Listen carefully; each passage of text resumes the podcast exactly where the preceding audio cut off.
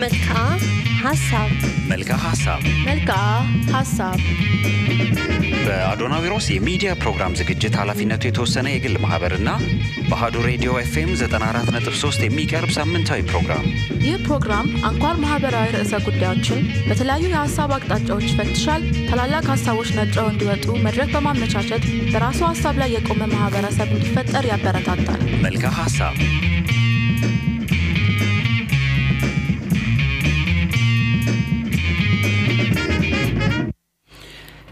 ጤና ይስጥልኝ። እንደምን ሰነበታችሁ? እንደምን አመሻችሁ? ውድ ቤተሰቦቻችን በየሳምንቱ ማክሰኞ ምሽት ከሶስት ሰዓት እስከ አራት ሰዓት ድረስ በቀጥታ ስርጭት ወደ እናንተ የሚደርሰው የመልክዓ ሀሳብ ፕሮግራማችን ነው። ፕሮግራማችንን ከጀመርን ሁለተኛ ሳምንታችንን ጨርሰን ዛሬ ሶስተኛ ፕሮግራማችን ላይ እንገኛለን። ምናልባት ዛሬ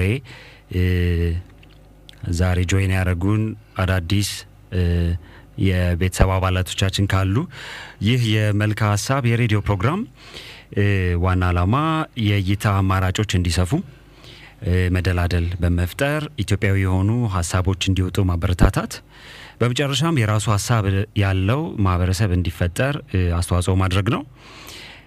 ፕሮግራሙ አየር ላይ በዋለባቸው ሁለት ሳምንታት አድማጮቻችን የሀሳብን ምንነት፣ ቅርጽ፣ የእይታ አቅጣጫ እንዲሁም የራስ ሀሳብ ላይ ያላቸውን መረዳት እንዲሰፋና የጋራ መግባባት እንዲፈጠር ለማድረግ ሙከራ አድርገናል። ስለዚህ የመጀመሪያዎቹ ሁለት ፕሮግራሞቻችን ሞሮፍ የመደላድል የመፍጠሪያ ፕሮግራሞቻችን ነበሩ። ከዛሬ ጀምሮ ደግሞ ትልልቅ አንኳር ጉዳዮችን እያነሳን ከእስከ ዛሬው የሀሳብ ትንተና ተነስተን ወይም እነሱን ቤዛ አድርገን ሌሎች ጉዳዮችን ማነሳሳት እንቀጥላለን። እዚህ ስቱዲዮ የዘወትር ዋናው የፕሮግራሙ የትንታኔ አቅራቢ ጤንነት ሰጠኝ፣ እንደዚሁም ሜላት አጥናፉና እኔም የፕሮግራሙ መሪ እስክንድር ክብራብ እዚህ ስቱዲዮ ተገኝተናል። of course ዋናው ባልደረባችን አብርሽ እኔም አለው እያለኝ ነው። አብርሽም አለ በቴክኒክ በኩል አብርሽ እየተባበረን ነው። እንዴት ናችሁ? እንኳን ደህና መጣችሁ። እንኳን ደህና ቆያችሁን። የአህዱ ቤተሰቦችንም እንኳን ደህና ቆያችሁን እንላለን እንላለን። ሳምንቱ እንዴት ነበር? ሳምንቱ በአንድ ቃል ሲገለጽ እንዴት የሆነ ጤንነት በአንተ ሳምንት ውስጥ?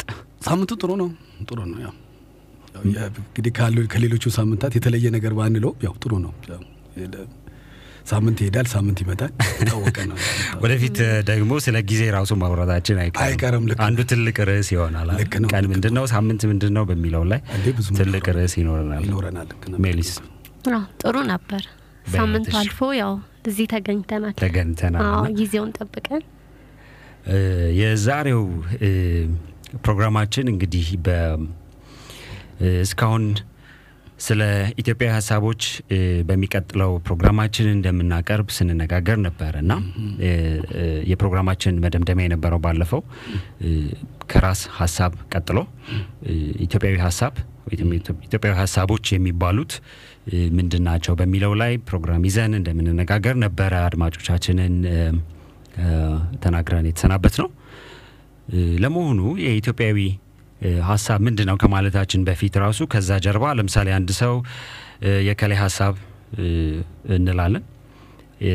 ከከላይ ሀሳብነቱን ከመዘርዘራችን ወይም ከመተንተናችን በፊት ራሱ ከሌ ማን ነው የሚል መሰረታዊ ጥያቄ መነሳቱ አይቀርም እና ዛሬ እንደውም ከሌ ብቻ ሳይሆን ራሱ የብዙ ክርክሮች ምንጭ የሆነው ኢትዮጵያዊነት በራሱ ምን ማለት ነው የሚለውን በእኛ ፕሮግራም ወይም በመልክዓ ሀሳብ እይታ እንቃኛለን ማለት ነው።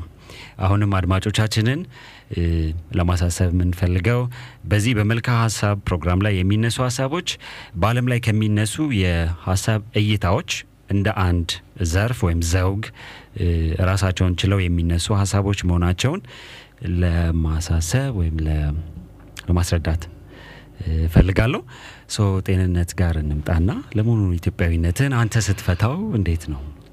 እንግዲህ ትክክል ብለሃል። በመጀመሪያ ደረጃ ላይ ያው ያነሳኸው አንዱ ሀሳብ ምንድን ነው፣ ባለፈው ሳምንት ላይ ስንሰነባበት እዛው ሀሳብ ላይ እየጨመቅን እየጨመቅን አይደለም የምንሄደው ወደ ትልልቅ ሀሳቦች ውስጥ መምጣታችን አይቀርም። ዞርን ወጣንም ያው ሀሳብ ላይ ነው መቼስ የምንመጣው። ቋንቋው ይቀያየር ይችላል እንጂ ያው ሀሳብ ነው መቼስ የሰው ልጅ መግባቢያውም ነገሩ ሁሉን ነገር የሚያግባባውም ከሀሳብ ተመስርቶ ስለሆነ የሚመጣው ግን የምናነሳቸው ሀሳብ ራሱ ሀሳብን ሳይሆን በዛ ውስጥ የሚነሱ ትልልቅ ጉዳዮችን እናነሳለን ብለን ተነስተን ነበር እና እንግዲህ የዚህ ፕሮግራም አንተም ቀደም ብለህ ለመጥቀስ እንደሞከርከው የዚህ የኛ ፕሮግራም መሰረታዊው ነገር ኢትዮጵያዊ የሆኑ ሀሳቦችን የማንሳት ጉዳይ ነው። ኢትዮጵያዊ የምንለው ሀሳብ አሁን ብዙ አከራካሪ ነጥቦች ይመጣሉ። በኋላ ላይ እንግዲህ ወደፊት ገና ወደፊት እየተጠጋን ስንመጣ ለመሆኑ ራሱ ኢትዮጵያ የምንለው ሀሳብ አለው የሚለው አንድ መሰረታዊ ጉዳይ ነው። ምክንያቱም ኢትዮጵያ የምንለው ሀሳብ ካለን በተነጠል በተናጠል ኢትዮጵያ የምንለው ሀሳብ አለው። ለምሳሌ የእስክንድር ሀሳብ፣ የጤንነት ሀሳብ፣ የሚላት ሀሳብ ይኖራል በሆነ ጉዳይ ላይ አይደል? ባለፈው ጊዜያት ስናወራ እንደነበረው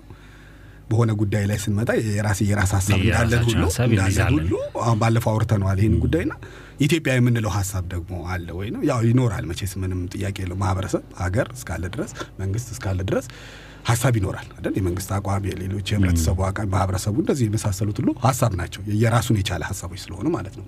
ስለዚህ እነዚህ ኢትዮጵያ የምንላቸው ሀሳቦች እንደ አንድ ጉዳይ ወስደን ራሱ ኢትዮጵያ ውስጥ የበቀሉ ሀሳቦች ራሳቸውን ችለው መቆም የሚችሉ ምክንያቱም ወደ ራስ ሀሳብ መምጣት ማንነትን የመፈለግ ጉዳይ ምናምን ሲባል ከራስ ሀሳብ ይጀምራል ምናምን ብለናል አይደል? እነዚህ እነዚህን ጉዳዮች ሁሉ ስናነሳ ወደፊት ላይ ስንመጣ ስለ ኢትዮጵያ ጉዳዮች ነው እንግዲህ በዚሁ በሀገራችን በኩል ላይ የሚነሱትን ሀሳቦች ነው እና ወደ ላይ ወደታች የምናነሳው። ሀገራችን ላይ ብዙ በርካታ ሀሳቦች፣ እውቀቶች አሉ፣ ጥበቦች አሉ፣ በጣም ብዙ ናቸው ያሉት እና የቻልነውን ያህል እኛም እየዳሰስናቸው እንመጣለን። ቅድም እንዳልከው የጊዜ ጉዳይ ማንሳት እንችላለን። በጣም በርካታ ጥያቄዎችን እንመልሳለን በራሳችን መቼስ ያው በራሳችን የራሳችን ነገር እንመልሳለን ማለት ነው እንግዲህ ስለዚህ እነዚህ ነገሮች ላይ ከመግባታችን በፊት ግን አሁን እንዳልከው ማለት ነው ወደ ዝርዝር ነገሮች ወደዚህ ከፍ ወዳለው ሀሳብ ከመግባታችን በፊት ቅድም እንዳነሳው እከሌ ይሄ ሀሳብ አለው ይሄ ሀሳብ አለው ይሄ ሀሳብ ብለን ከማውራታችን ራሱ እከሌ ማን ነው ገባ ኢትዮጵያ ሀሳብ ይሄ ነው ይሄ ነው ይሄ ነው ይሄ ነው ከማለታችን በፊት ራሱ ኢትዮጵያዊነት ምንድን ነው?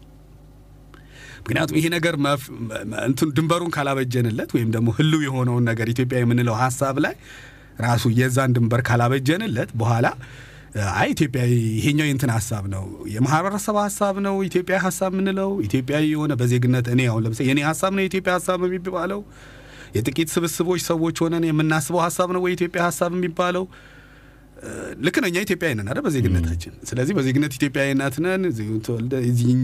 ያለ ነው። ስለዚህ የእኛ ሀሳብ ነው በኋላ የኢትዮጵያ ሀሳብ ተብሎ የሚወሰደው ምንድን ነው? እዛ ጋ ያለው የኢትዮጵያ ሀሳብ ስን ምንድን ነው? ይሄ እነዚህ ነገሮች አየህ ማንሳት ያስፈልጋል። ስለዚህ በዚህ ጉዳይ ላይ ለመምጣት እንዲያመቸን ነው እንግዲህ ሲጀመር ራሱ ኢትዮጵያዊነት ምንድን ነው ብለን የጀመር ነው። በእርግጥ ሀሳቡ ከባድ ነው መሰለኝ። ኢትዮጵያዊነት ምንድን ነው ሲባል ትንሽ የሚጠይቅ ነገር አለው መሰለኝና ሜላ ኢትዮጵያዊነት አንቺ ምን ይመስልሻል? እስቲ አዎ እንግዲህ ስንጀምርም መልክ ሀሳብ ምንድን ነው የሚለውን መልክ ሀሳብን በሸንተረር በመልካ ምድር እየመሰልን የመጣ ነው። ኢትዮጵያዊነትን በአንድ ቃል እንዲህ ነው ብሎ ማስቀመጥ በእርግጥ ትንሽ ይከብዳል መሰለኝ። ግን የተለያዩ ግለሰቦች አሉ፣ ማህበረሰቦች አሉ። እነዛን ሁሉ ጠቅለል አድርጎ የማሰሪያ ልጥ አይነት ነው ኢትዮጵያዊነት ስሜቱ ማለት ነው። እና ይህንን ለምሳሌ በምሳሌነት ስናስቀምጠው ሀገራዊ ጉዳዮች የሆኑ ትኩረት የምንሰጥባቸው ህብረትና ስሜት የሚያመጡ ለምሳሌ ሩጫን ብንወስደው አንድ ሰው ሲያሸንፍ ወይ ጥሩነሽ ስታሸንፍ ኃይሌ ሲያሸንፍ የግለሰብ ስም ጠርተን አይደለም አሸነፈ የምንል ኢትዮጵያ አሸነፈች ነው የምንለው። በዛ መሀል ግን ስንት ሰው ነው እያለቀሰ የሚጸደው? ያንንም ማለት ያንን ስሜት የያዘ ነው እንግዲህ ኢትዮጵያዊነት የምንለው። ስለዚህ ከግለሰቦች ይወጣል ከማህበረሰብ ይወጣል፣ even ከብሔርም ያልፋል ማለት ነው። አንዳንዴ ምናልባት ወደፊትም በተለያዩ ርዕሰ ጉዳዮች ላይ እናነሰዋለን። ሀሳብን በተለያዩ ከፍታዎች ውስጥ እያስገባን መመዘንም አንድ የጥበብ ዘርፍ ስለሆነ እውነት ነው። ኢትዮጵያዊነት ራሱ በዚህ አሁን ባነሳ ነው የጥበብ እንትኖች parameter ስናስቀምጠው ኢትዮጵያዊነት ግለሰብ አንድ ግለሰብ ለምሳሌ በፓስፖርቱ ወይም በመታወቂያው ኢትዮጵያዊ ሊባል ይችላል። ከዛ እንደዛ አይነት የኢትዮጵያዊነት identity ያላቸው ሰዎች ሲሰባሰቡ ደግሞ የሚፈጥሩት ሀሳብ አለ። ያ ነው ኢትዮጵያዊነት። እሱ ራሱ በጣም አጨቃጫቂ ነገር ነው። or ማህበረሰብ ነው፣ የማህበረሰቡ ሀሳብ ነው። ስለዚህ ከአንድ ደረጃ ወደሚቀጥለው ደረጃ እየወጣን እቺን አንዷን የኢትዮጵያዊነት ርዕሰ ጉዳይ እየመዘንን እያወጣን እየከተትን እናያለን ማለት ነው። እኔ እንደሚታየኝና በአንተ እይታ ማለት ነው በተለያዩ ከፍታዎቹ ስትመዝነው ስታስገባው ኢትዮጵያዊነትን እንዴት ነው የምትፈታው? አዎ መጀመሪያ ምንድን ነው ይህ እነዚህ ነገሮች በኋላ በኋላ ዘግየት ባለን ወደዛ ዝርዝር ጉዳዮች ላይ እንገባለን ብዬ አስባለሁ። ግን በመጀመሪያ ደረጃ ላይ እንደው እንደኔ እምነት ማለት እንደኔ ሀሳብ ማለት እንደኔ እንደኔ ሀሳብ እይታ ይሄ የማንነት ጉዳይ ወይም ደግሞ የኢትዮጵያዊነት ጉዳይ ስትመጣ ይሄንን ዘርፍ እንትኑ የቱ ነው? ይሄ መለኪያው ምኑ ነው? ለምሳሌ አሁን እኔ ኢትዮጵያዊነት ምንድን ነው ለአንተ ተብዬ ብጠየቅ ተራራው፣ ሸንተረሩ፣ ህዝቡ ምናምን ዘመዶቼ፣ ወገኖቼ፣ ማህበረሰብ እኔን ያሳደገኝ ማህበረሰብ ምናምን እያልኩ ነው። በዚህ እንደዚህ መዘርዝሬ ማስቀመጥ እችላለሁ። እንደዚህ የሆነ ድንበርና ገደብ ሰጥቼው ማስቀመጥ እችላለሁ ወይ የሚል የመጀመሪያ ኢትዮጵያዊነት እንዴት ነው? አሁን ለምሳሌ ኢትዮጵያዊነት ለአንተ ምንድን ነው ተብለህ ብትባል እንዴት ነው የምትገልጸው አይነት ስሜት እና አንዳንዴ ይሄ ኢትዮጵያዊነት የምንለው ነገር በውስጥ ሰርጾ የሚገኝ ነገር ሆኖ ልታስቀምጥለት ይኸው- ይኸውና ብለህ ልታሳየው የማትችለው ነገር ያለ ይመስላል። ለምሳሌ ዝም ብለህ ብትመለከት ብዙ ሰው አሁን ሀገሩን ጥሎ ይሰደዳል። እንግዲህ በተለያዩ ምክንያቶች ይሰደዳል። ከኢትዮጵያ ውጭ ከወጣ በኋላ ድሮ ማይናፍቀው ነገር ሁሉ ይናፍቀዋል። ለምሳሌ የኩበት ሽታ የሚናፍቀው አለ አንተ። የሚገርም ነው። አሁን እንግዲህ አስብ፣ እዚህ አካባቢ አሁን እዚህ ኢትዮጵያ ውስጥ እየኖርክ ኩበት ያው ታውቃለህ አይደል? ኩበት ጉዳይ ኩበት ከጨሰ ልብስ ላይ ከያዘ ቶሎ አይለቅም እና ስለዚህ ኩበት ጭስ ሲመጣ ይሸሻል። አሁን ኩበት ጭስ ዳቦ ሲጋገር እና ይሄንን ሚናፍቃል። አየህ ይሄንን ሚናፍቅ ምክንያቱም እዛ ዘመናዊ የዘመናዊ ብለን ዝም ብለን እንውሰደው ግድ የለም ሀሳቡን ያው እሱ ባል ባልኖረበት ከተም እንትኖች ናቸው ያሉት ንጹህ መሆን ያለመሆኑ አይደለም እና አየህ ማንነት አለ ማለት ነው እዛ ውስጥ ያ ማንነት ነው ህፃን ልጅ ሆነህ አብሶ ገጠር ደግሞ ያደገ ደግሞ ልጅ ደግሞ በቃ እረኝነቱ የከብቶቹ ጋራ ለጋራ የዞረው አጋም ቀጋ ምናምን የምንለው ሀሳብ አሁን አጋም ቀጋ ለከተማ ትውልድ ትንሽ ራቅ ያለ መሰለኝ ሀሳቡ ራሱ ግን ብቻ ለማንኛውም ግን እንደው ለ- ዝም ብለን ስንመለከተው የየራሱ አለው ለምሳሌ ዝም ብለን ወይም ከተማን ብትመጣ እኮ የኳስ ሜዳ በጨርቅ ኳስ የተጫወትከው ይሄ ምንድን ነው እቺ ዳቦ ቂጣ የምትጋገረው እንደ ሽልጦ ነገር ሽልጦ። የምትባለው እሷ ዳቦን የበላኸው ብስኩት ብስኩት ደግሞ በሻይ ምናምን እንደዚህ ይሄ እነዚህ ያሳለፍካቸው ነገሮች አሉ በዛ በኑሮ ውስጥ እነዚህ የማንን እነዚህ እነዚህ እነዚህ ሁሉ ተደምረው ተደምረው የመጡ ነገሮች አሉ ለአንተ ኢትዮጵያዊነቱ እና ይሄ አንዱ ነው ግን በሌላ አንጻር ግን ሲታይ ትንሽ ለየት ያለ ይሄ ኢትዮጵያዊነት ላይ አንድ ነገር አለ። ከሌላው ማህበረሰብ ከሌሎችም ሀገሮች ይለያል። ያው ብዙዎቹም ያወሩታል። ትንሽ ለየት የሚል ነገር ኢትዮጵያውያኖች ላይ አለ። በኢትዮጵያ ጉዳይ ላይ ይሄ ነው ብለው አያወሩትም እንጂ በእያንዳንዱ ስሜቱ በጣም ጠንካራ ነው፣ ኃይለኛም ነው፣ ከባድም ነው። እንደው ዝም ብለን እንፎክራለን እንጂ ለተወሰኑ ነገሮች እንደው ምን ምናምን እንላለን እንጂ ዞሮ የሚለቀን አይደለ። ይሄ የእናት ፍቅር የምትለው አይነት ነገር የለም። አሁን የእናት ነገር አይለቅም አይደል? ምንድን ነው የሆነ ምንም ብትሆን መቼስ እንደ- ምንም ጨካኝ ብትባል እናት ላይ አይጨክንም አይደል? ብትጨክንም እንደው የፉከራ ነው። ከላይ በአንደበትህ ልታወራው ትችላለህ። አይኗን ማየት አልፈልግም ምናምን ልትል ትችላለህ ምናምን ምናምን። ግን እንደው ያው ደጋግመ ደጋግመ ታወራዋለህ። ሁለተኛ አንዱ ሌላው አስገራሚው ነገር ሰው የሚወደውን ነገር ነው በነገራችን ላይ የማይተወው። በአዎንታዊም በለው በአሉታዊም መንገድ ቢያወራው በአሉታዊ መንገድ አሁን ለምሳሌ ቢሳደብም ማለት ነው። ምን ይሄ ሀገር ምን ዋጋ አለው? ምን ጥቅም አለው? ምናምን ቢልም ገብተዋል ጉዳይ ስላለህ ነው ማለት ነው የምትናገረው። ገብቶ አንዳንድ ጊዜ ላይ ሰው ልጅ እኮ ከሆነ ነገር የወጣለትን ነገር ስለሆነ አያወራም። ለምሳሌ አሁን አንተ ተነስተ መንገድ ላይ ስለሚሄድ ሰው ዝም ብለህ አትናገር ማለት አንድ ሰው በዛ ጋር ሲያልፍ ዝም ብለህ ተነስተ ይሄ ሰው እንደዚህ እንደዚህ አትልም ስለሆነ ሰው ነው ዝም ብለህ የምትናገር። ምክንያቱም ያ ሰው ከአንተ ጋር ያለው ይሄ ግንኙነቱ ትስስሩ አልጠፋም። ትስስሩ ስላለብህ ነው። በፖዚቲቭም አውራው፣ በኔጌቲቭም አሉታዊም አውራው፣ አዎንታዊም አውራው ትስስሩ ቢኖርህ ነው የምታወራው። ባይኖርህማ ጭራሽ ስለሱ ትዝም አይልም። ቢመጣም ባይመጣም ምን ቸገረህ ነው። ስለዚህ አየህ ቢሳደብም ምን ምን ዋጋ ቢወዳትም ምናምን ቢጠላትም ሀገሪቱ አዎ ማለት በቃ ተናግሮም ቢናገርም የሚናገረው ፍቅሩ ነው ያው የሚናገረው ዝም ብሎ እንትን የሚለው እንጂ አይተውም። ከተውክማ ትተወው ነበር ማለት ሰው የተወውን ነገር እኮ አወራው እንዴ ምን አድርገኝ ብሎ ያወራዋል። አንተ ከአንተ ጋር ምንም ግንኙነት የሌለውን ነገር ምን አድርገኝ ብለህ ታወራዋል አታወራውም እኮ። ስለዚህ እንደዚህ ስለሆነ ይሄ ኢትዮጵያዊነት ከስሜቶች ጋር የተያዘ በኋላ እንመጣበታለን። በእርግጥ ግን ከስሜቶች ጋር የተያያዘ ነገር አለው እና ብዙ ማህበረሰብ ላይ አሜሊ እንዳነሳቸው ሜላት አሁን ያነሳቸው ሀሳብ ይሄ ሩጫ ሲሮጥ አሁን ብዙ ጊዜ ገርምናል ምናምን ነገርና በቃ ግራ ይገባሃል። በቃ እያንዳንዱ ሰው ውስጥ ያለው ስሜት ስትመለከተው ይሄ ምንድን ነው? አሁን እንግዲህ የሩጫ አንድ ሰው ሲወጣ አይደለም። አንዳንዱ እኮ በቃ መሬት አላይም ብሎ ፊቱን ደፍቶ ሁሉ ይጸ- ይጸልያል እኮ። እነሱንም ማየት ትችላለህ እኮ ወጥተው እኮ ወይ መድረስ ሲሰቀል ወይ የሆነ ነገር ሲያደርግ እንባቸው ነው ዱብ ዱብ የሚለው እኮ። ምንድን ነው ይሄ ነገር? ምንድን ነው ምንድን ነው ይሄ ነገር? ምንድን ነው? አየህ በጣም ትልቅ የሆነ የሆነ ነገር አለ ማለት ነው። እኛ ይሄ ነው ብለን ያላስቀመጥ ነው ግን እንትን ያላልነው በኋላ የምናወራው ይሆናል ብዬ አስባለሁ። እና እንደዚህ አይነት ስሜቶች አሉት ይመስለኛል። በኋላ ጠለቅ ብለን እንገባበታለን በኋላ ይመስለኛል። መልካም እንግዲህ ትንሽ የሙዚቃ እረፍት እናድርግ ይመስለኛል። ሜሊ የምታስተላልፊላቸው መልእክት አለ? አዎ እንግዲህ ስለ ኢትዮጵያዊነት ነው ዛሬ እያወራን ያለ ነው። የአህዱ ቤተሰቡን አብራችሁን ቆዩ። በጣም ጥሩ። አንድ የሙዚቃ እረፍት እናደርግና ድጋሚ በኢትዮጵያዊ ሀሳብ ላይ ወይም ኢትዮጵያዊ ኢትዮጵያዊነት ላይ ትንሽ ጠለቅ ብለን የምናወራው ነገር ይኖረናል። አብራችሁን ቆዩ።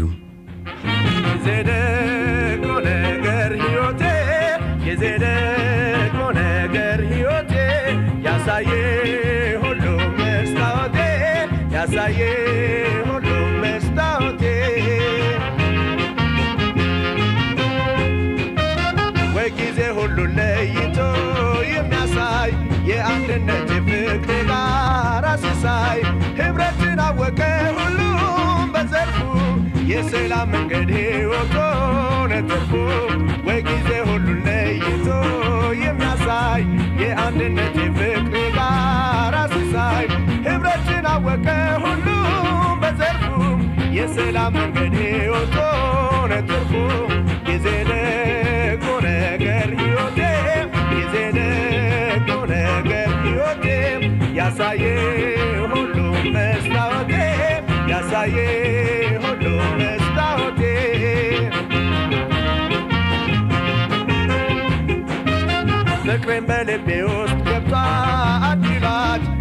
ተንፌላ ሳተኝታለች ደስ ይላት።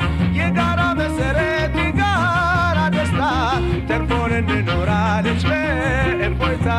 ፍቅሬን በልቤ ውስጥ ገብታ አዲላት ተንፌላ ሳተኝታለች ደስ ይላት። የጋራ መሰረት የጋራ ደስታ ተርፎን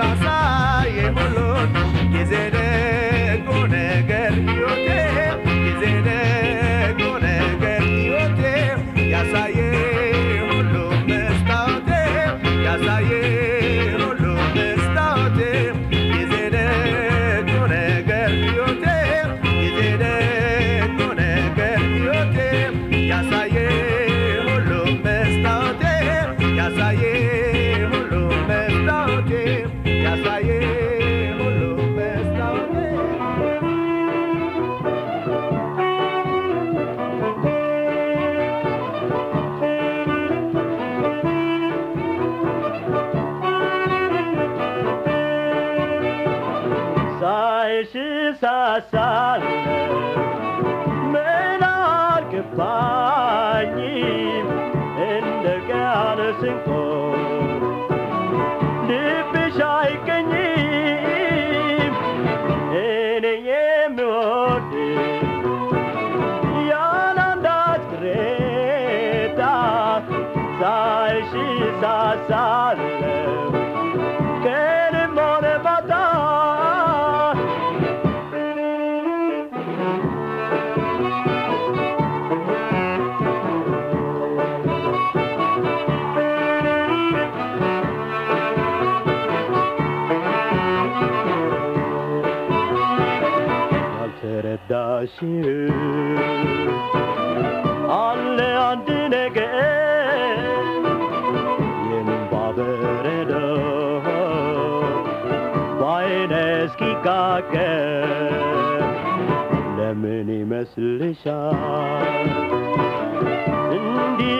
खुली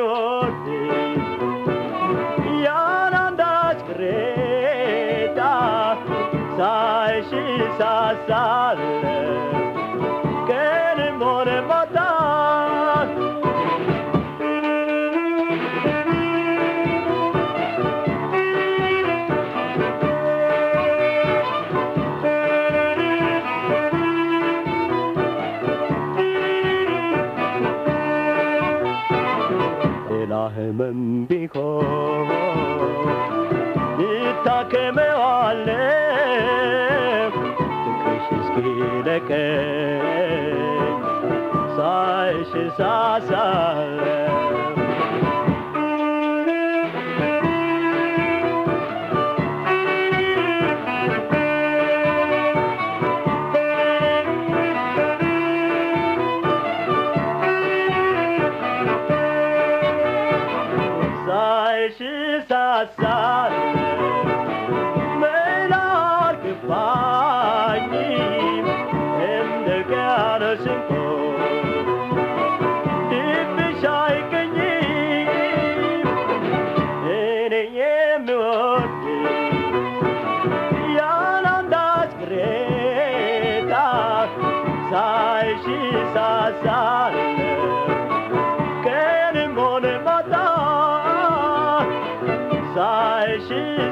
side.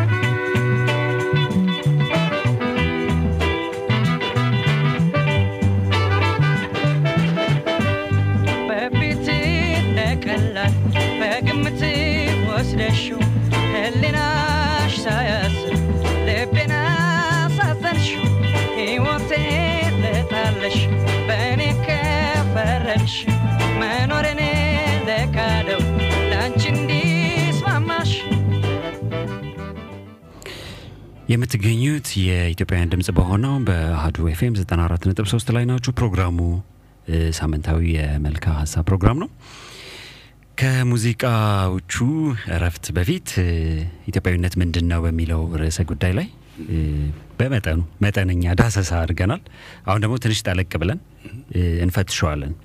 ምክንያቱም የዝግጅታችን የዝግጅታችን ብቻ ሳይሆን ጠቅላላ የፕሮግራሞቻችን format ምንድን ነው? አንድን ርዕሰ ጉዳይ በተለያዩ የሀሳብ ከፍታዎች ውስጥ የመፈተሽ ይሄ ደግሞ ጠበባዊ አካሄድ ብለን ነው እኛ የምናምነው።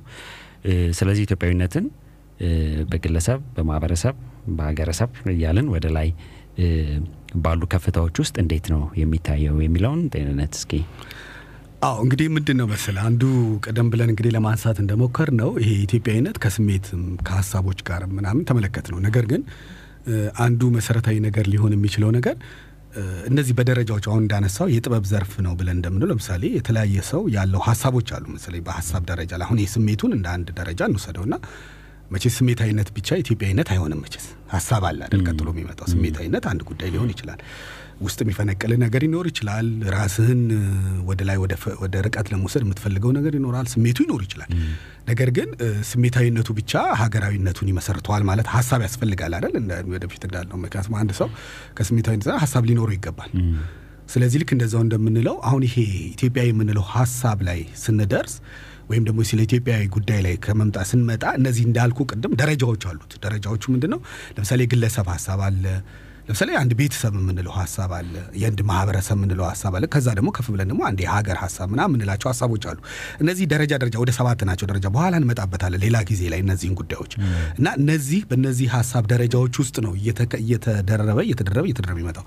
ስለዚህ የአንድ የግለሰብ ሀሳብ የአንድ ቤተሰብ ሀሳብ ላይሆን ይችላል። ምክንያቱም የአንድ ግለሰብ ሀሳብ የአንድ ግለሰብ ሀሳብ ነው። የአንድ ቤተሰብ ሀሳብ ደግሞ በዛ ውስጥ የግለሰቡ ሀሳብ ሊጠቃለል ይችላል። ግን የቤት ግለሰቡ ሀሳብ እዛ ውስጥ ስለሚጠቃለል የቤተሰቡ ሀሳብ የግለሰቦች ሀሳብ ድምር አይደለም። ራሱን የቻለ የቤተሰብ ሀሳብ የምንለው ሀሳብ ስላለ ማለት ነው። ምክንያቱም የአንድ ግለሰብ ሀሳብ የቤተሰብ ሀሳብ ከሆነ ግዴታ የሚሆነው ያ የቤተሰብ ሀሳብ የሚጠቅመው ያንን ግለሰብ ብቻ ይሆናል ማለት ነው። ይጠባል ማለት ነው። አየህ የሆነ ለሆነ የሆነውን ብቻ ከወሰድ ነው ማለት ነው። ወይም ደግሞ የአንድ ቤተሰብ ወይም ደግሞ የአንድ ጎሳ ሀሳብ ምንለው ደግሞ የአንድ ማህበረሰብ ወይም ደግሞ ብሔር ምንለው ሀሳቦች ላይ ከወሰድ ነው የዛ ብቻ አይደለም። ጥቅል ሰፊ ነገር ይዛል። የአንድ ማህበረሰብ ሀሳብ የብ- የብዙ ቤተሰቦች ማጠቃለል የሚችል አቅም አለው። ሰፊም ነው። ይህ ማህበረሰብ ሀሳብ በባህል፣ በእምነት፣ በቋንቋ፣ በምናምን የመሳሰሉት ነገሮች ውስጥ ውስጡ የሚገባ የራሱ ነገሮች አሉት ነው ማለት ነው። ስለዚህ የአንድ ሀገር ሀሳብ ስንል ደግሞ የአንድ ማህበረሰብ ሀሳብን አይደለም የአንድ ሀገር ሀሳብ ምናምን የአንድ ሀገር ሀሳብ የሁሉንም ማህበረሰቦች ሀሳብ ሊያካትትላቸው የሚችል እንጂ ራሱን ችሎ የነዛ የነዛ ድምር አይደለም። እነዛ እነዛ እነዛ ተውጣቶ አይደለም ለማለት ፈልገን ነው። እያውጣጣ እያውጣጣ እየደመርክ የምታመጣው ነገር አይደለም። እንደዛ ከሆነ ሊመጣልን አይችልም። የሚሆነው ምንድን ነው? እሱ የአንድ ሀገር ሀሳብ ስንል ያ ሌሎቹን ሀሳቦች ይይዛቸዋል። ይይዛቸዋል ማለት ያጠፋቸዋል ማለት አይደለም፣ ይመልስላቸዋል ማለት ነው። በራሳቸው መቆም የሚችሉበት ነገር አለ ማለት። ስለዚህ አሁን ዝም ብለን ብናስበው የአንድ ቤተሰብ ላይ ያለ ሀሳብ ወይም አንድ ቤተሰብ ላይ የምናገኘው ነገር ስለ- ግለሰቦቹን ሀሳብ ወደ ታች ዝቅ ብሎ አይሰራውም። ወይም የአንድ ማህበረሰብ ሀሳብ ወስዶ የአንድን ቤተሰብ ሀሳብ ብቻ ለመፈጸም አያስብም። ወይም ደግሞ አንድ ሀገር ሀሳብ የአንድን ማህበረሰብ ብቻ ሀሳብ ለማጽናት ለማውጣት አይሞክርም። ወደ ታች አይወርድም። የራስ የራሳቸው አሏቸው ማለት ነው። ስለዚህ በዚህ መልክ ነው የተገነባው። ነገር ግን አሁን የተነሳንበት ዋናው ትልቁ ነገር ይሄ ኢትዮጵያዊነት ምንድን ነው የሚለው ጉዳይ ላይ ነው የመጣንበት። ሀሳቡ ላይ በኋላ ኢትዮጵያዊ ሀሳብ ምንድን ነው፣ ሌሎች ነገሮች ምንድን ናቸው ምናምን ስንል በኋላ በዝርዝር እየገባን እየገባን እንመጣለን። ራሱ ሲጀመር ኢትዮጵያዊ ምንድነው ሀሳብ አለ ወይ የሚል መጀመሪያ ራሱ ጥያቄ ይመጣል እኮ የመጀመሪያው መነሻ ነጥብ።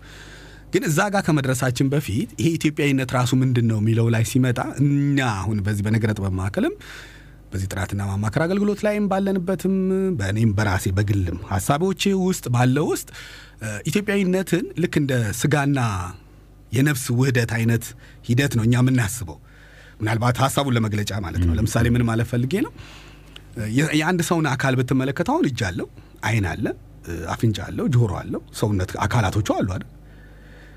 ነፍስ ክፍሉ የሚንለው አሁን ነፍስ ማትታይ ነች። በእርግጥ አሁን ቅድም እንዳለው ኢትዮጵያዊነት ይሄ ነው ብለን ማታስቀምጠው ሁሉ የነፍስ ክፍሉ የምንለው ክፍል እነዚህን አንድ እንዲሆኑ ያደርጋቸዋል። የተለያዩ አካላት የሚመስሉንን ግን እንደ አንድ አካል እንዲሰሩ፣ እንደ አንድ አካል እንዲንቀሳቀሱ፣ እንደ አንድ አካል ህብረት እንዲኖራቸው፣ እንደ አንድ አካል እንዲሄዱ ማለት ነው። ልክ እንደ አንድ ሙሉ ወጥ እንዲሆኑ አይን የራሱን ነገር እንዳያደርግ እጅ የራሱን ሳይሆን እንደ አንድ ወጥ ሆኖ የማከናወን ነገር እንዲያደርጉ ማለት ነው።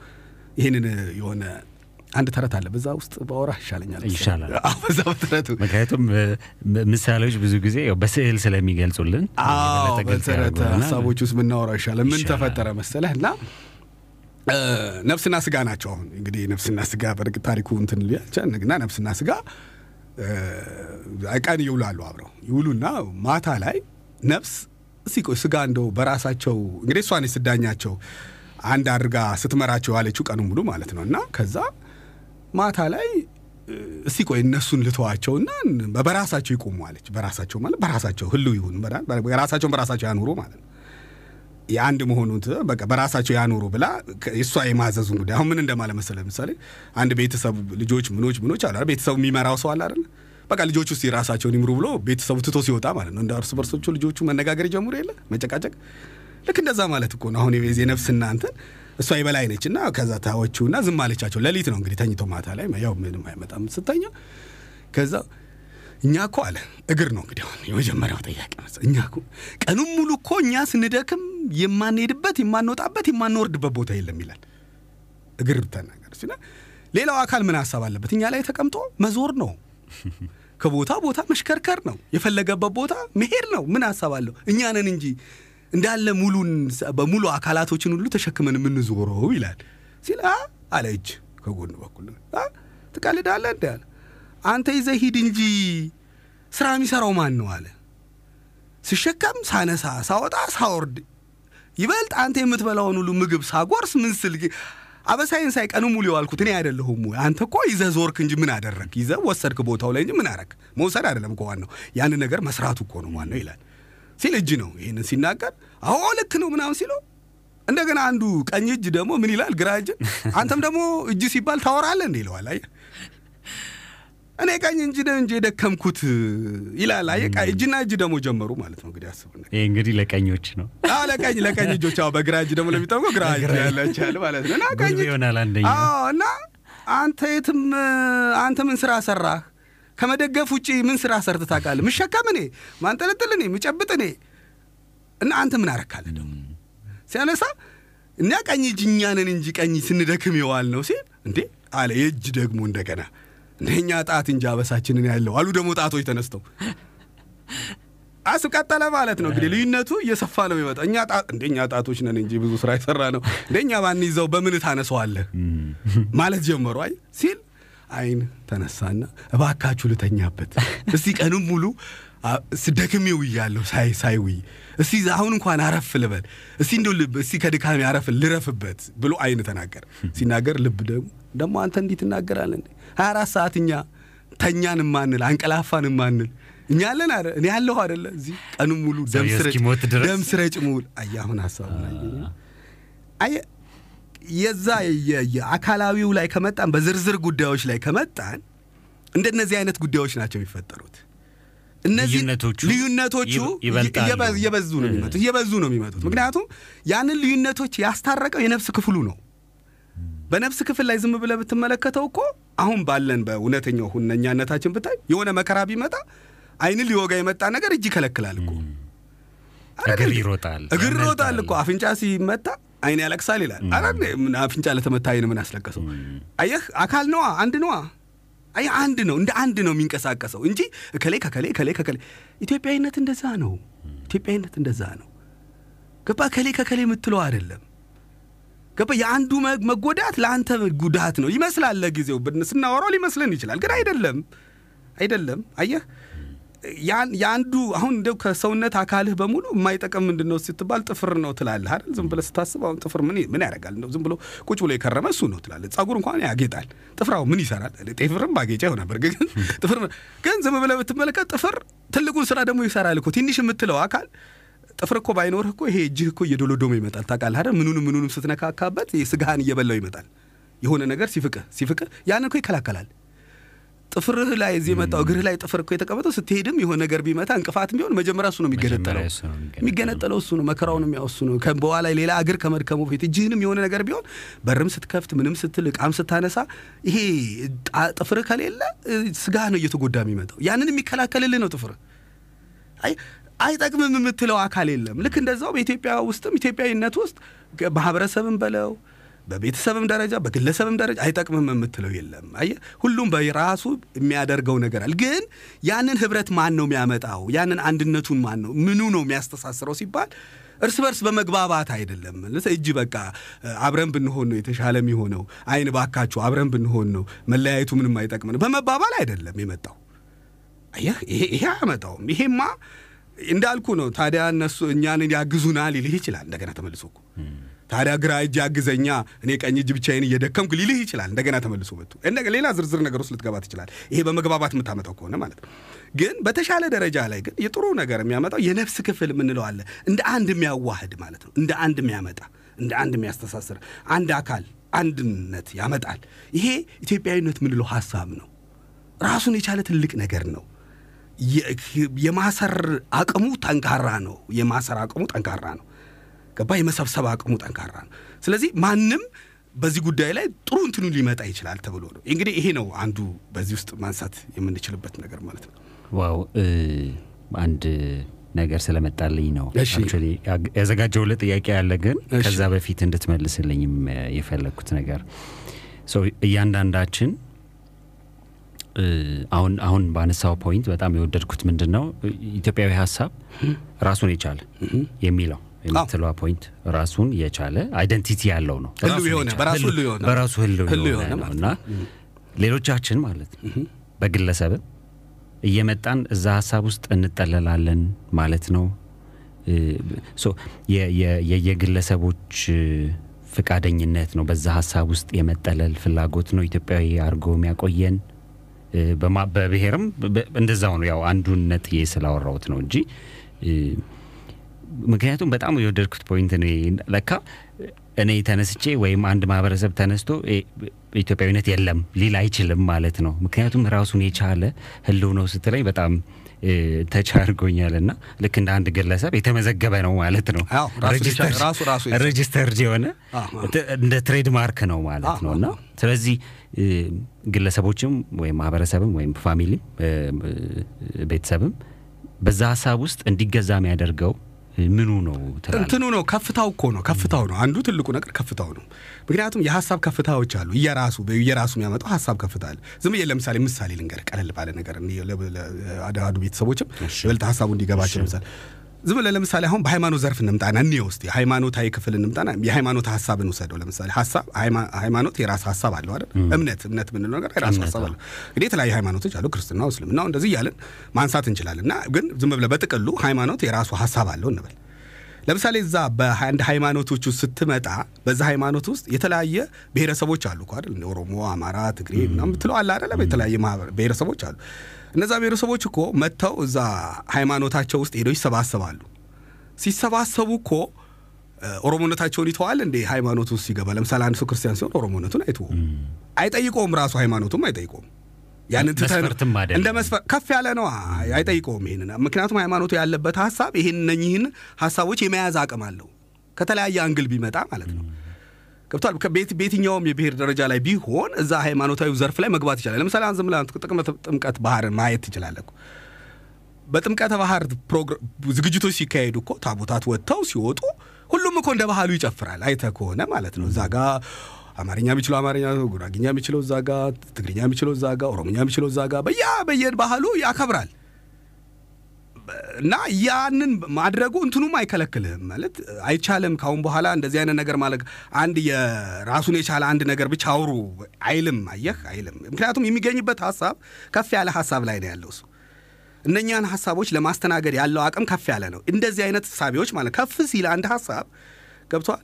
በዛ ውስጥ መስ- ግን ወደ ታች ወርዶ ሃይማኖቱ አሁን በእነሱ ጉዳዮች ላይ ላውራ ካለ በብሔር ጉዳዮች ላይ በምናምን ጉዳዮች ላይ ከገባ በተናጠል ማውራት ከጀመረ ይወርዳል ወደ ታች። ምክንያቱም አሁን በእግዚአብሔር እኩል ነው የሚለው ሀሳብ ሁሉ ሊጠፋ ነው ማለት ነው። በእምነት አቋሞች ውስጥ ማለት ሊለያዩ ነው ማለት ነው። እናንተ እንደዚህ ምናምን አየህ፣ ከፍ ሲል ድንበር ያዘልላል። ደግሞ ጥሩ ነገሩ ደስ የሚለው ድንበር ያዘ ድንበር ያዘልላል ምን ማለት መሰለህ?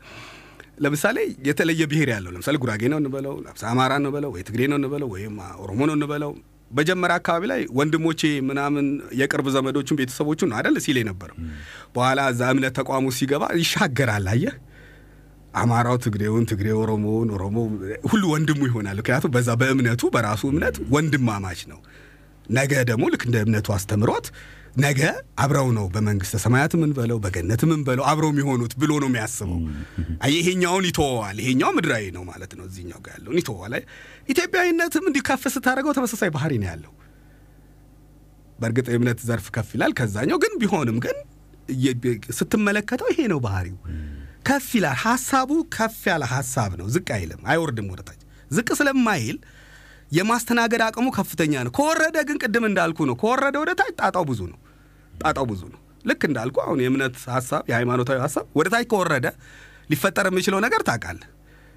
ማለት ይሄ እምነት የእንትን ነው፣ ይሄ እምነት የእንትን ነው፣ ይሄ እምነት የእንትን ነው፣ ይሄኛው የእንትን ነው፣ ይሄኛው የእንትን ነው፣ ወደ መባባል ሊመጣ ነው ማለት ነው። እንዲህ አይነት እምነት የእንትን እምነት ነው፣ እንትን የእንትን እምነት ነው መባባል፣ ጎራ መለየት እንዴት ነው እግዚአብሔር ይሄኛውን ነው የሚያውቀው ያኛውን አቆም አይነት ነገር ልትመጣ ነው ማለት ሰው መሆን ይረሳል። አየህ ባለፈው እንዳነሳው ልጅ የሀሳብ ከፍታ የትኛው ነው ሲባል ደግሞ ሰው ልጅ ሁሉ የሚለው ደግሞ እንዴት ትልቅ ነው ከኢትዮጵያም አልፎ ጎረቤት ሀገር ሁሉ የሚሰበስብ ሀሳብ ደግሞ ከመጣ ታላቅ ሀሳብ ነው። ኢትዮጵያ ሀሳብ እኮ መሰረቱ ማለት ነው እንደዚህ አይነት ነገር አለበት ውስጡ በሰው ልጆቹ ውስጥ ነው የሚያየው እኮ ይህንን እኮ ዝም ብለህ መመልከት ትችላለህ። ለምሳሌ አሁን አንተ ገጠር ትሄዳለህ። ገጠር አካባቢ አሁንም ያልጠፋ ባህል ማለት ነው። ገጠር አካባቢ ስትሄድ ስለ አንተ ማንነት እኮ አይጠይቁም። አስገብተው አብልተው አጠጥተው አጫውተው ምን ብትፈልገውን አድርገው ረድተው ነው እንጂ በስሚ ስሚ በኋላ ስትቆይ ስለ አንተ ማንነት ማጣራት ይጀመራል እንጂ ሰው መሆን ለእነሱ በቂያቸው ነው። ለምሳሌ ዝም ብለህ መመልከት ይችላል። የውጭ ዜጎች እኔ እርግጠኛ ነኝ ከሌሎቹ አካባቢዎች በተን በአንጻራዊነት ሲታይ ከሌሎች አካባቢ ሲታይ ኢትዮጵያ ውስጥ ነጻነቱ ምንም ለምሳሌ አንድ የውጭ ዜጋ በዚህ በመንገድ ላይ ሲሄድ አንድ ነገር ሌሎች ሰዎች ሲተናኮሉት ምናምን ብታይ አንተ ነህ እኮ መልሰህ አላግባብ ሲተናኮሉት ብታይ ማለት ነው አንተ ነህ መልሰህ እንዴ ለብሮ የምትነኩት የምትለው ለምን ሰው ልጅ ነዋ ሰው ልጅ ነዋ ለአንተ አየህ የምታየው በሰው ልጅ ልኬት ውስጥ እንጂ ይሄ ጸጉረ ልውጥ ስለሆነ የኛ አይደለም ጸጉረ ልውጥ ስለሆነ አይደለም ብለህ የምትደባደብበት አይነት አይደለም። አየህ።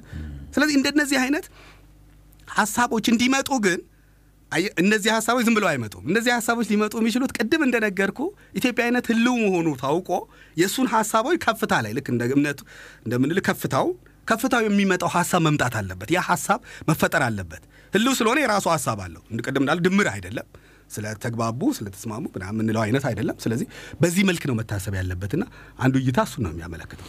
ጥሩ እንግዲህ የአድማጮችን አስተያየት ከመቀበሌ በፊት አንድ ወሳኝ ጥያቄ ብጠይቅ ይፈቀዳል? እሺ በኢትዮጵያ ታሪክ ውስጥ ትልቅ ከሚባሉ ክስተቶች አንዱ የአድዋ ድል ነው። ለምንድን ነው በጣም ብዙ ያው በታሪክ የምናውቃቸው ብዙ ነገሮች የተፈጸሙበት ታሪክ የታሪክ አውድ ስለሆነ ማለት ነው እና ግን እኔ አሁን ማንሳት የፈለግኩት እና አንተም እንድታብራራልኝ የፈለግኩት በአድዋ ጦርነት ጊዜ ኢትዮጵያውያን በሙሉ ከተለያዩ አቅጣጫዎች ነው የተሰባሰቡት። እውነት ነው። እንዴት በአንድ ጥሪ ማለት ነው በተናጠል ስናያቸው በጣም የተለያየ ዘር፣ የተለያየ ሃይማኖት፣ የተለያየ ባህል፣ የተለያየ አመለካከት even በኢትዮጵያዊነት ራሱ የተለያየ አመለካከት የነበራቸው ሰዎች እንዴት በአንድ event ላይ ወይም በአንድ ክስተት ላይ እንዴት ተሰባስበው ጦርነቱን ሊያሸንፉ ቻሉ? ከዚህ ከኢትዮጵያዊ አስተሳሰብ ጋር እንዴት ነው አንተ ይህንን ከሀሳቡ ጋር እንዴት ነው የምታገናኘው? ልክ ነው። ብዙ ጊዜ ላይ አሁን አንዱ ሁል ጊዜ እንደውም በርካታ ጊዜ ላይ የሚነሳው አንዱ ትልቁ ሀሳብ ምንድን ነው? እሱ በዚህ በየአድዋ ጦርነት ላይ ስታነሳ ኢትዮጵያውያኖች የተለየ ነገር አላቸው ተብሎ ከሚባሉት ክስተቶች እንደውም አንዱ ይሄ ነው። በሆነ ጉዳዮች ላይ በይሄ በጋራ ኢትዮጵያዊ በምትለው ሀሳብ ላይ የመሰባሰብ አቅማቸው ጠንካራ ነው። ምንም ጊዜ ቢሆን ማለት በጣም አስቸጋሪ በምትላቸው ክስተቶችም ቢሆኑ አንድ ላይ መምጣት እድላቸው በጣም ጠንካራ ነው። የራስ ችግሮቻቸው ቤቶች ችግር ተወት አድርገው ለጋራ ለሆነው ላይ ቶሎ የማሰባሰብ ፈጣኖች ነው። ይሄ ነው ልዩ የሚያደርጋቸው። ለብዙዎቹም ሀገራት የሚገርማቸው ሀሳብ እሱ ነው። ማለት ምን አይነት መሰረት ላይ ነው ይሄ ኢትዮጵያ የምንለው ሀሳብ መሰረቱን የጣለው ምን አይነት አስተሳሰብ ላይ ነው የሚል ነው ብዙ ጊዜ ላይ የሚነሳው ሀሳብ። አሁን እንዳልከውም በዚህ በአድዋ ጦርነት ላይም ሲሰባሰብ እና ዋጣ ብለው አይደለም የመጡት እንትና ይህንን ያህል ስጥ፣ እንትና ይህን ያህል ስጥ፣ ኧረ የኛ ጎሏል እባክህ እንትና ጨምር ተባብለው አይደለም። ገብተዋል። ፍቅሩ ነው ያወጣቸው። ይሄ የራስ ማንነት ጉዳይ ጉዱላ አይደለም እንትን አይደለም፣ ግን ፍቅሩ ነው የወሰዳቸው። የሀገራቸው ነገር ነው ምናምን መሰባሰባቸውን ትመለከታል። እንግዲህ ይህንን ማን ነው ያሰባሰበው ካል ቅድም የነገርኩን እንደ ነፍስ ክፍል ሆኖ ይሄ ይሄ ነው ብለህን ማታስቀምጠው ግን ታላቅ የሆነ ሀሳብ አለ ማለት ነው። ኢትዮጵያዊነት በሰው ደም ውስጥ በሰው ሀሳብ ውስጥ የሰረጸ ነገር አለ። ያ ነው የሰበሰባቸው። ነገር ግን እዚህ ጋር ወደፊት በስፋት ማውራት ያለብን ሀሳብ ይመስለኛል። አንዳንድ ጊዜ ላይ ይሄ ህብረት እንግዲህ ሶስት ነገሮች ናቸው ብዙ ጊዜ የሚኖሩት። ሁለት ነው እኛ እያየ ነው ያለን፣ ግን ሶስት ህዝቡ አለ። ህዝቡን ደግሞ ወደ አንድ እንደ አንድ አካል ማድረግ አለ።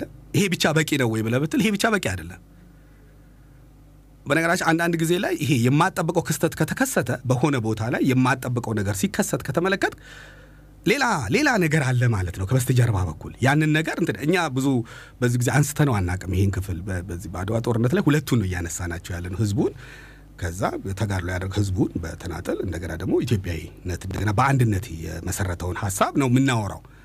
ነገር ግን እዛ ውስጥ ማየት ያለብን ነገር በሁለቱ መካከል ላይ ሊመጣ የማይችል ማለት እ፣ በ- በ- በዘመናዊው በታጠቀው መሳሪያ በዚህኛው በኩል በምትመለከተው በሁለት ሀገራት በኩል ላይ የተካሄደው የሀሳብ ነው ያው ጦርነቱ ብለን ብናመጣው ነው የሚቀለው። ግን በዛ በሁለቱ መካከል ላይ የተካሄደው ሂደት የት- እንትን አልነበረም ከፍታውን ስትመለከተው ማለት እና ያ ይፈጠራል ተብሎ ማንም አለ ዓለም ነው የተደናገጠው። ገብቷል። እንዴት እንዴት ይህ ነገር ሊፈጠር ቻለ? የሆነ ማጠብቀው ነገር ነው የተከሰተው ማለት በጣም አንተ ይህ ይሆናል ማትለው ሁለቱን ማታወዳደራቸው ነገር ልክ እንዲህ አይነት ነገር በሰው ታሪክ ውስጥ በሰው ልጆች ሕይወት ውስጥ በታሪክ ውስጥ የሚፈጠር ከሆነ ከበስተጀርባ በኩል ሌላ ጉዳይ አለ ማለት ነው፣ ሶስተኛ።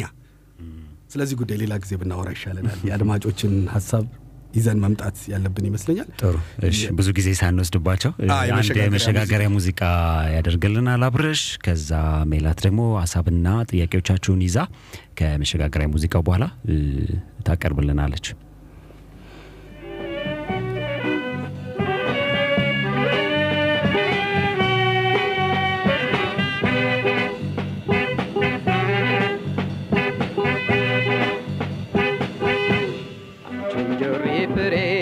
መዓዛሽ ያማረኝ እሾህ ሐረግ በቅለሽ መውጫው አስቸገረኝ ያስደንቃል ውበት ጥፍጥናሽ እሾህ ከበዛበት ምነው መብቀልሽ ከትልቁ ዛፍ ላይ ወጥተሽ ተጠምጥመሽ ልመገብ አልቻልኩም። ከጣፋጩ ፍሬሽ ዋርካው ተገን ሁኖሽ ለሐሩሩ ጥላ ሲያዩት ያስጎምጃል የፍሬሽ ዘለላ በሳማ በቆንጥር ባጋም በጋሬጣ በሾ ተከበሻል በየት በኩል ልምጣ የወንዙም ዳር መውጫ አዳልጦ እየጣለኝ የጭቃ ሾሁ ነው ይበልጥ ያስቸገረኝ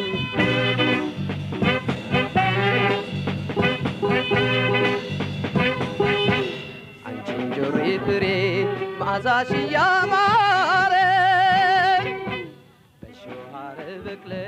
መውጫው አድማጮቻችን ይቅርታ እንጠይቃለን ሙዚቃውን በማቋረጣችን ሰዓቶቻችን ሰዓታችን እየሄደ ስለሆነ ሜላት የእናንተን ሀሳብና ጥያቄዎች ይዛ መታለች። እስኪ ሜሊ አዎ እንግዲህ ውድ የአህዱ ቤተሰቦች የእናንተን አስተያየት ይዤ ተመልሼ ወደ ስቱዲዮ ገብቻለሁ። በርካታ ገንቢ አስተያየታችሁን ስለሰጣችሁን እናመሰግናለን እያልኩኝ እንግዲህ ወደ መጀመሪያው አድማጫችን እንሄዳለን። ቤዛ ከሳሪስ ደውላ ፕሮግራማችሁን በጉጉት እየጠበቅኩኝ ነበር፣ በርቱ ብላናለች። ጥያቄዎችም አስተያየቶችም አሉ።